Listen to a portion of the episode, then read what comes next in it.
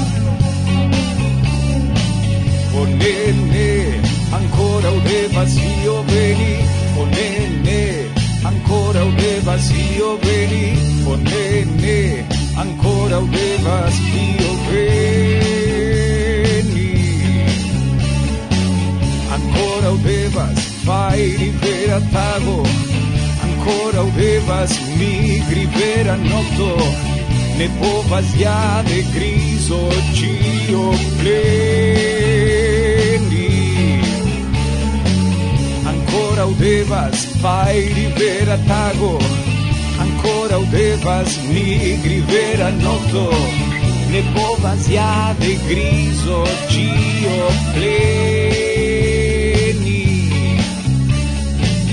O ne ne ancora udevas io veni. O ne ne ancora udevas io veni. O ne ne ancora udevas io veni.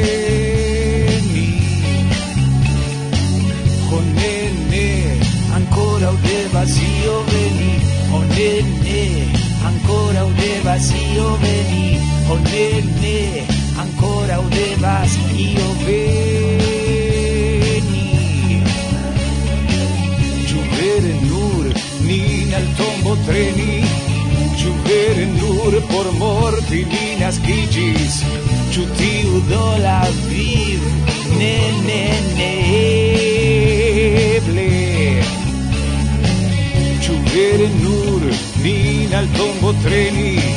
chover de novo.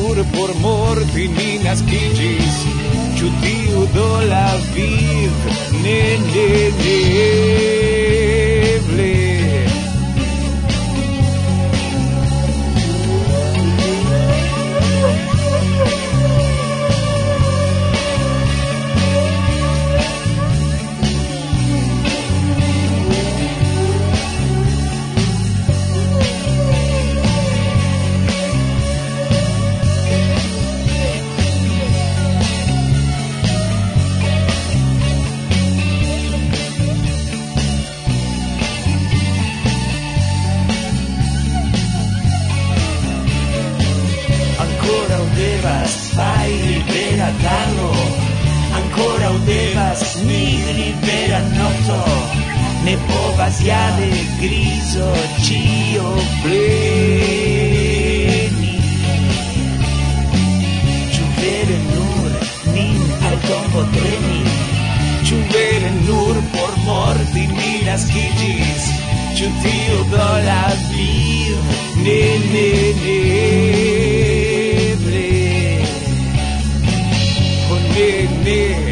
ancora un evasio veni oh nene ancora un evasio veni oh nene ancora un evasio veni. Oh nene ancora un evasio veni oh ancora un evasio veni ancora un devas devas devasio veni.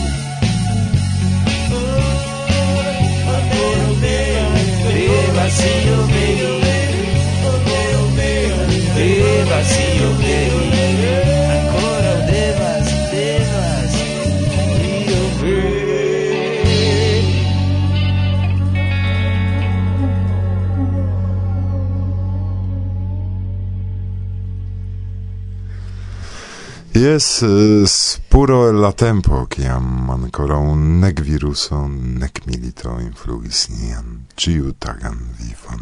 El tiui du problemoi, almena la viruso faris pasion mal antauen. Ču? Yes, calcfoie oni annoncis, che malgrau plurai infectigioi, laste neniu mortis pro covimo en Pollando. Almenau unu bona informo. Tamen plu mortas homoi, malandau nia orienta landimo kaj ankoraŭ ne videblas la fino. Ne tiel mortas, kiel estas murdigataj bedaŭrinde pro malsana ambicio. Olduloj, mesaĝuloj, junularo kaj infanoj. Ĉiutage. Hmm, de nove, ni komencas triste. Pro kio ĝoji? pro viruso, kiu cifoje tuŝis ne nur la sanon, set antau cio la homan cerbon? Angau cerboj de la esperantistoi. Imago Mi rimarcis che la pacaj batalantoi comencis fervore batali contra si mem. Mm, pri Facebooko vi pensas? Yes. Laste ec io mi perdiĝis surprizita pri escalado de conflictoi tie, pro diversaj sur base de la politica eventoi parto de ĝis nunaj Facebookaj amikoj comencis grave conflictigi. Shaine pro la provocai affishoi de la retai trolloi. Yes, sed necredeble che la politicistoi fakte, malgrau cio successis, atingi sian celon. Kiun celon? Influi ec nin, la plei tolereman cae amiceman, fakte medion el inter ciui, cuin mi conas. No, homoi estes, nur homoi. Eble, sed eh, tio signifas, che malgrau nia educezo foie alta, nenion ni lernis. Politico ciam estis malpura rivero en kiu ne valoras nagi. Sed ne ciam eblas fakte, kaj malgraŭ tiu scio, nu, eble ne tiel profunde kiel Ludovico pro explodo de la unua mondmilito, sed tamen tusis min profunde la radicala activeso de certai posedantoi de la lingvo internazia, kiu semas senpense conflictoin cae antauiugioin. Pro tio inter alie mi pensas homoi pli kaj pli resignas uzi Facebookon. Tamen por multaj tiu komunikilo restas tre grava. Vi pravas. Speciale dum la tempo kiam ne facilas renkontigi.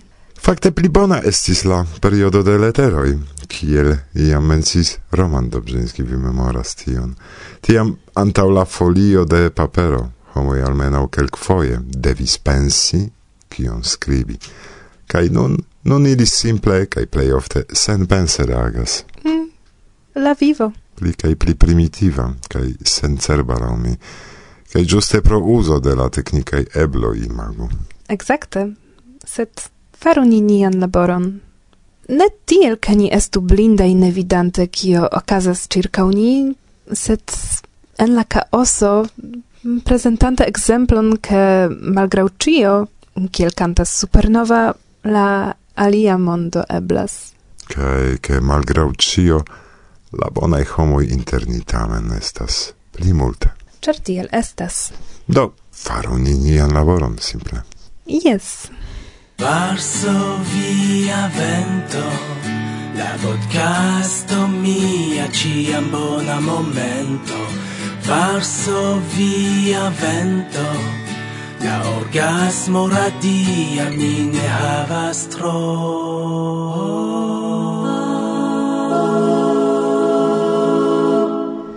Saluton do, cara auscultantaro. Saluton, kie ein atingas vin niai vocioi. Kai krom generala saluto, aparte ni salutu lance falin, comenzanto el usono, kiu aligis alla rondo kiu rimarkis nian PayPal konton, kai iom finance helpis al ni. Dankon Lance, sed fakte plej ni ĝojas, ke ankaŭ vi en la fora usono aŭskultas nin. Kaj estas kun ni. Do antaŭ ol vi komencos sekvi, kion al vi ni preparis, mi ŝatus menci pri interesa blogo, kiun laste mi esploris. Mm, ĉu temas pri blogo de Mikaelo, kiu parto post parto interpretas verkon Kiam silentas la sirenoj? Exacte. Kai ti estas giuste unu el inter tre bonai exemploi, che anstatau perdi tempon serci mal amicoin en Facebooko, oni povas fari ion utilan por la esperantista kulturo Rigardu en priskribon de la programo por trovi ligilon alla blogo de Mikaelo. Nepre. Kai Coran dankon, Michaelo, pro via laboro, cae encalculu min al tiui, kiu comencis giui vian laboron. Des pli la verco ne aperis ancora en la pola lingvo. Giuste.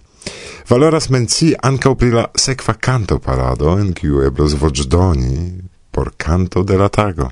La plei proxima, la decnaua virtuala conveno pere de Zumo, ocasos la dec trian de aprilo, je la dudeka horo la mez-eŭropa tempo. Ligilon al gia detala programo vi trovos ankaŭ en la priskribo. Do, eble komencu ni programon, la nian. Mm, kial ne? Karaj, do. Agrablan. Auscultadon. Bla, bla. Bla.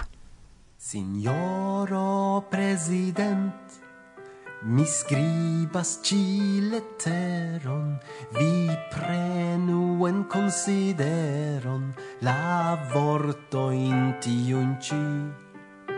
Ricevis mi ordonon eniri la armeon, accepti la ideon che mole bombas ni. Signoro President, mi ja malvolas vere, ne pasciu mi sur terre, por ies ein conquer.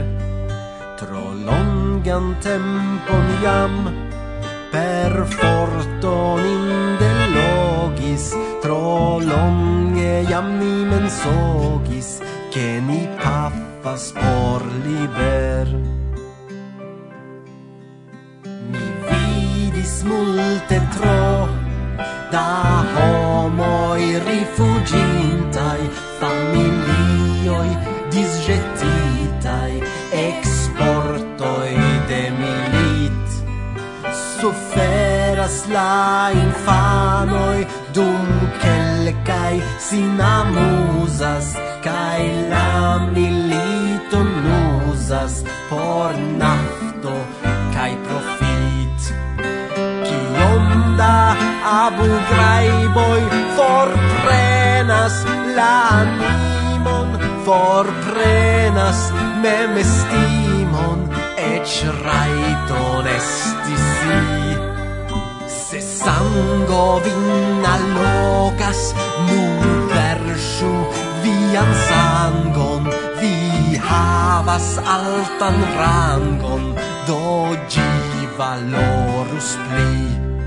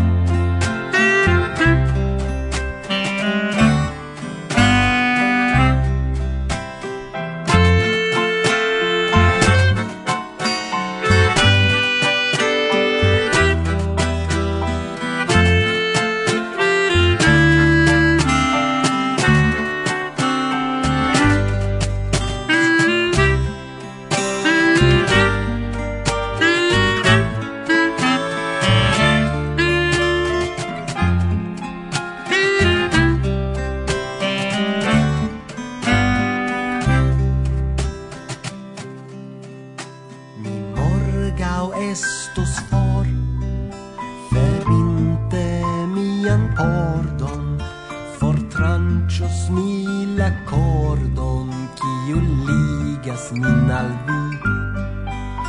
Mi svevo super bordoi mi biciclos tra la mondo mi estos vagabondo al cio i cantos mi. Vi uso vian vivon vi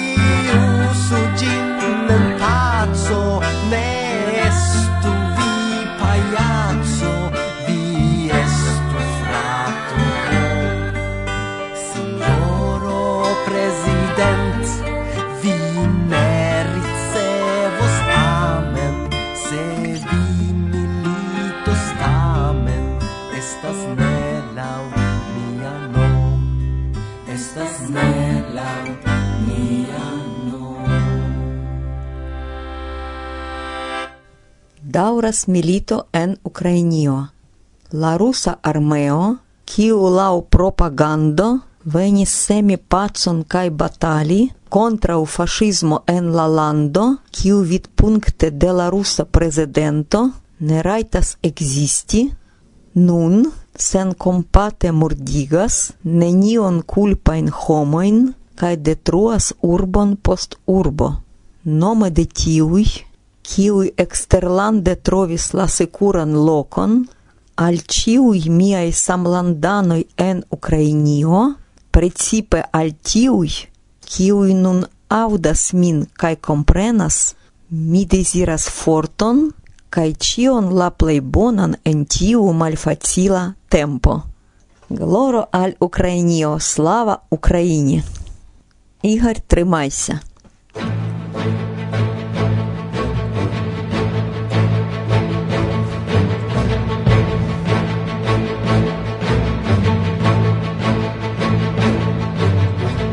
post iom tro longa periodo de la pandemiaj limigoi provas reaktiviĝi ankaŭ la Pola Esperanto-Asocio, kies agado laste apenaŭ videblis. De certa tempore aperis la mardaj renkontiĝoj de la Varsovia filio, En la reto oni povas trovi ankaŭ spurojn pri iniciatoj de la esperantistaro en la tuta lando, sed necesas plena, ne nur la simbolia reveno. Tiu tasko sendube iĝos unu el la ĉefaj dum la trideknaŭa Pola Esperanto-Kongreso, kiu sekvos inter la 23 kaj 26 de junio en troviĝanta centre de Pollando urbo Lodzo. Detalajn informojn, aliĝilon kaj unuan bultenon de la 39 pek vi trovos en la retejo de eventa servo, kies ligilon ni prezentas en la priskribo de la programo. Fine de majo aperos dua bulteno de la 39 pek.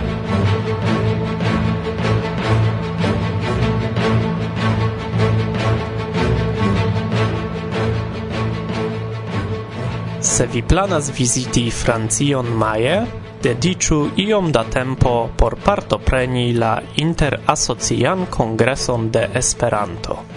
Ĝi okazos inter la 26 kaj 29 de majo en la Socikultura Centro de Trelisak, pli malpli meze inter Nantes kaj Montpellier.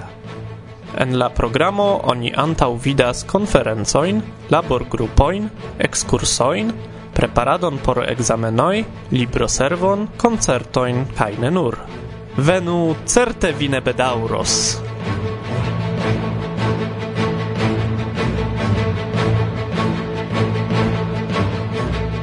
UEA anoncas tri examen periodoin por la jaro 2022.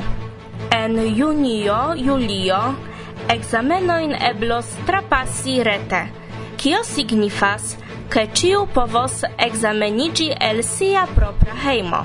En augusto sekvos ce estai examenoi dum la uko, kaj fine de novembro en la malnovaj formoj. Kadre de la tutmonda examentago organizotaj estos ce estai sesioj dise en la mondo.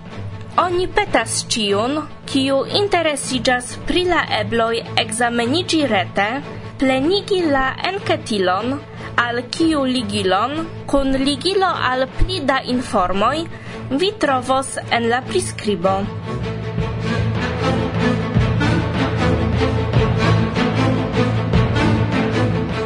komenciĝis antaŭ preparoj al la Kultura Esperanto-Festivalo konata kiel KEF, kiu okazos ĉiare en la Ŝodefo en Svislando inter la deca kaj dekkvina de augusto. Nun ancora mancas detala informoj pri la programo, sed ciuin, kiu ec interesigis pri la evento, ni invitas sekvi informojn en la Facebooka pagio de KEV, en kiu baldo aperos ankaŭ la aligilo.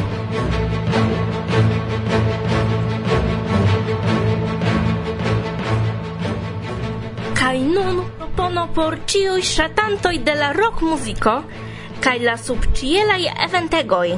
Alproksimiĝas konata inter multaj esperantistoj neesperantista Roskilde Festivalo kai la organizantoj inter ili la esperantistoj bezonas volontulojn por kontribui organizajn laborojn ĉe la evento inter alie kontroli, ĉu enirantoj havas la ĝustan rockbandon kaj ĉe la okazo ĉeesti kaj spekti la festivalajn koncertojn.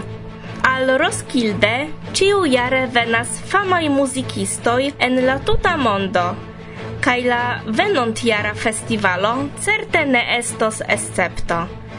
Aliĝu do kaj ĝuu senpagan partoprenon, loĝadon, manĝadon, drinkadon, koncertojn kaj amuziĝon alta lingvo nivelo ne necesas, kaj la organizantoj eĉ organizetos Esperanto kursojn kaj privatan instruadon dum la pli trankvilaj matenaj horoj. Bonvenon!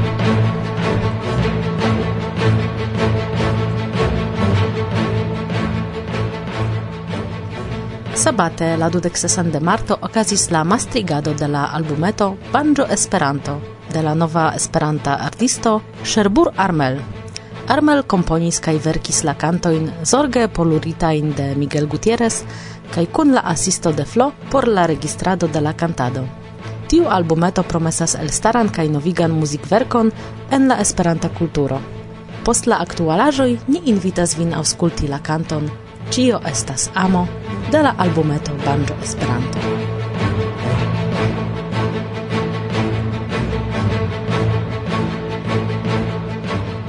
Somera Esperanto studado okazos inter la dua kaj deka de julio 2022 en la historia slovaka urbo Trenčín, situanta cent dudek kilometroj for de la slovaka ĉefurbo Bratislavo. Kiel ciam, ricia programo consistos el quelcae partoi dividitai per tempo de la tago. Antov tag mese la organizanto invitos al instruado pri Esperanto kai curso pri literaturo. Post tagmeze oni povas giui excursoin, prelegoin, man laboroin, sportoin, kai labor grupoin. Vespere la partoprenantoin attendas nazia kai internazia vesperoi, concertoi, discoteco kaj nenur. nur. Malfermo de la aligilo estas planita por la comenzo de aprilo. Ne perdu la okazon praktiki Esperanton kaj amuziĝi en gaja kompanio. Ŝatantoj de la esperantistaj disaŭdigoj kompreneble scias, sed eble inter vi estas tiuj, kiuj ankoraŭ ne rimarkis, ke programojn de Radio Havano en Esperanto de certa tempo oni povas ĝui ne nur rekte, sed ankaŭ en formo de podcasto ligilon, kiu gvidos vin al la podcasta pagio kun programoj el Kubo. Serĉu en la priskribo aŭ turnu atenton al la maldekstra menuo de nia retejo, kie troviĝas listigo de diversajn radio elsendejoj. Koran saluton al la amika redakcio de Radio Havano en Esperanto el Varsovio kun bandeziroj de daŭra sukcesa agado.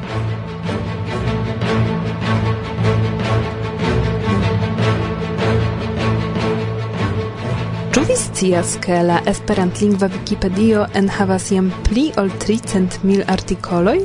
Se vi ŝatas uzi tiun senpagan fonton de scio, ne prespektu la virtualajn salutojn de reprezentantoj de esperantaj organizoj, kontribuantoj kaj legantoj de Wikipedio. Samtempe ni invitas vin aboni la kanalon Esperanto kaj Libera Scio por ke vi estu informita pri ĉiu nova video.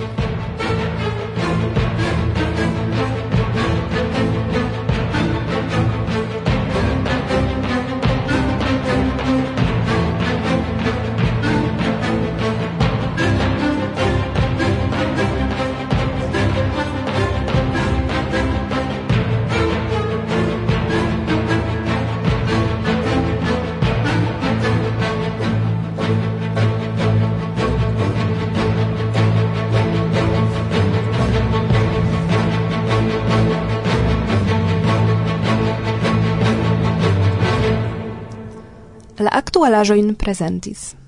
Agnieszka Rudzia, Marysia, Kamil, Leszek, Bartek kaj mi, Gosia.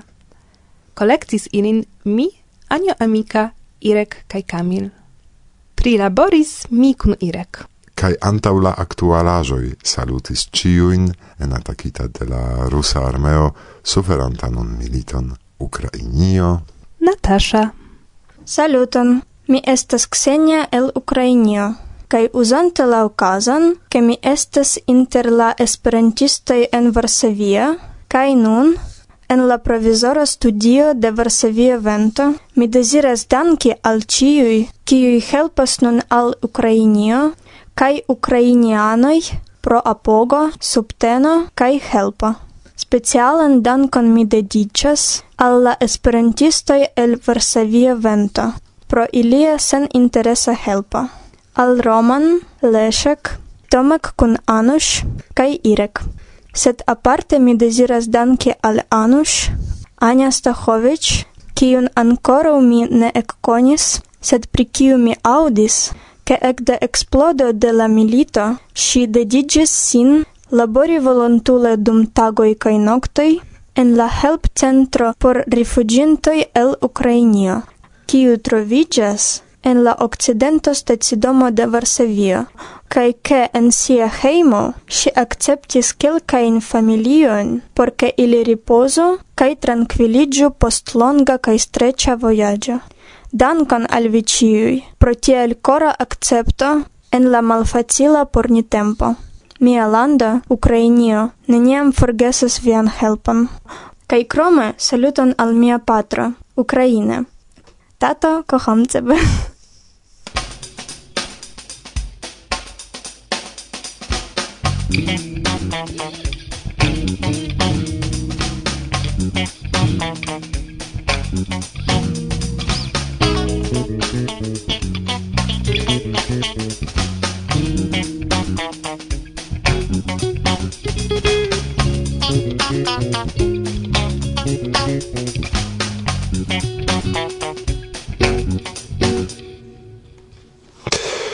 Varsovia mm, vento bla bla bla. Kaj antaŭ mikrofono de Varsovia vento nun Pit Glorieux. Antaŭ ol ni eniros la ĝustan riveron.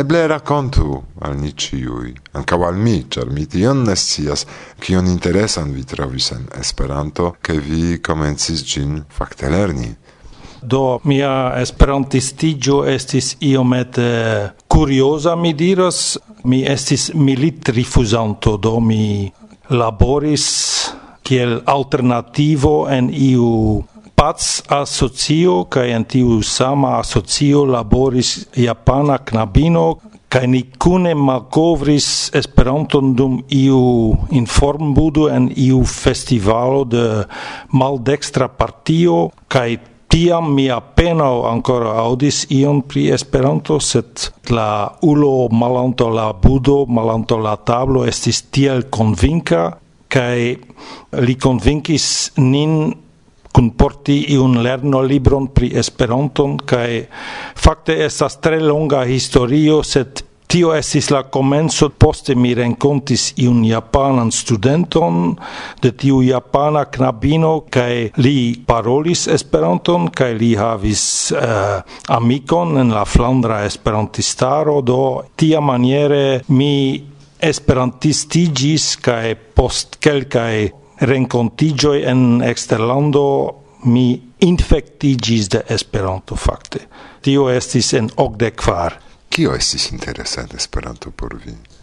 Eble la uh, teoria aspekto de Esperanto interesis min, sed iom post iom legante pri la, mi dirus, la filosofio de Esperanto, mi constatis che tio congruis cun mia mont percepto char mi anca activas en aliae associui qui occupigas pri mal egalezzo en la mondo che nun tempe mi ciam diras che Esperanto estas por mi fakte la lingua traducado de mia mont percepto. Ĉu ne ĝenas vin ke ne estas tamen multe da esperantistoj en la mondo kaj la angla multe tion diras, min opinia opinias same, sed uh, anstataŭigis la revon pri Esperanto kiel la universala lingvo. Ia maniere mi miras pri tio che tiel nomatai mi dirus alternativae asocioi, ad exemple neregistarai asocioi, daure usas lingvon de koloniistoi, mi dirus. Do tio iomete genas min, set ali flanke mi suffice bona parolas la anglan do nun tempo oni besonas la anglan set la mi eh, Esperanto meritas pli altan pozicion en la lingua peisaggio. Reklamo. Ĉu ankaŭ vi volas esti informita pri la mondaj novaĵoj en flua aktuala Esperanto?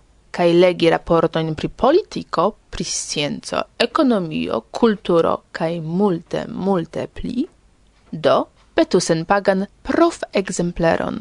La contact adreson de monato vi trovos en la prescribo. Yes. Falso via vento, bla bla bla.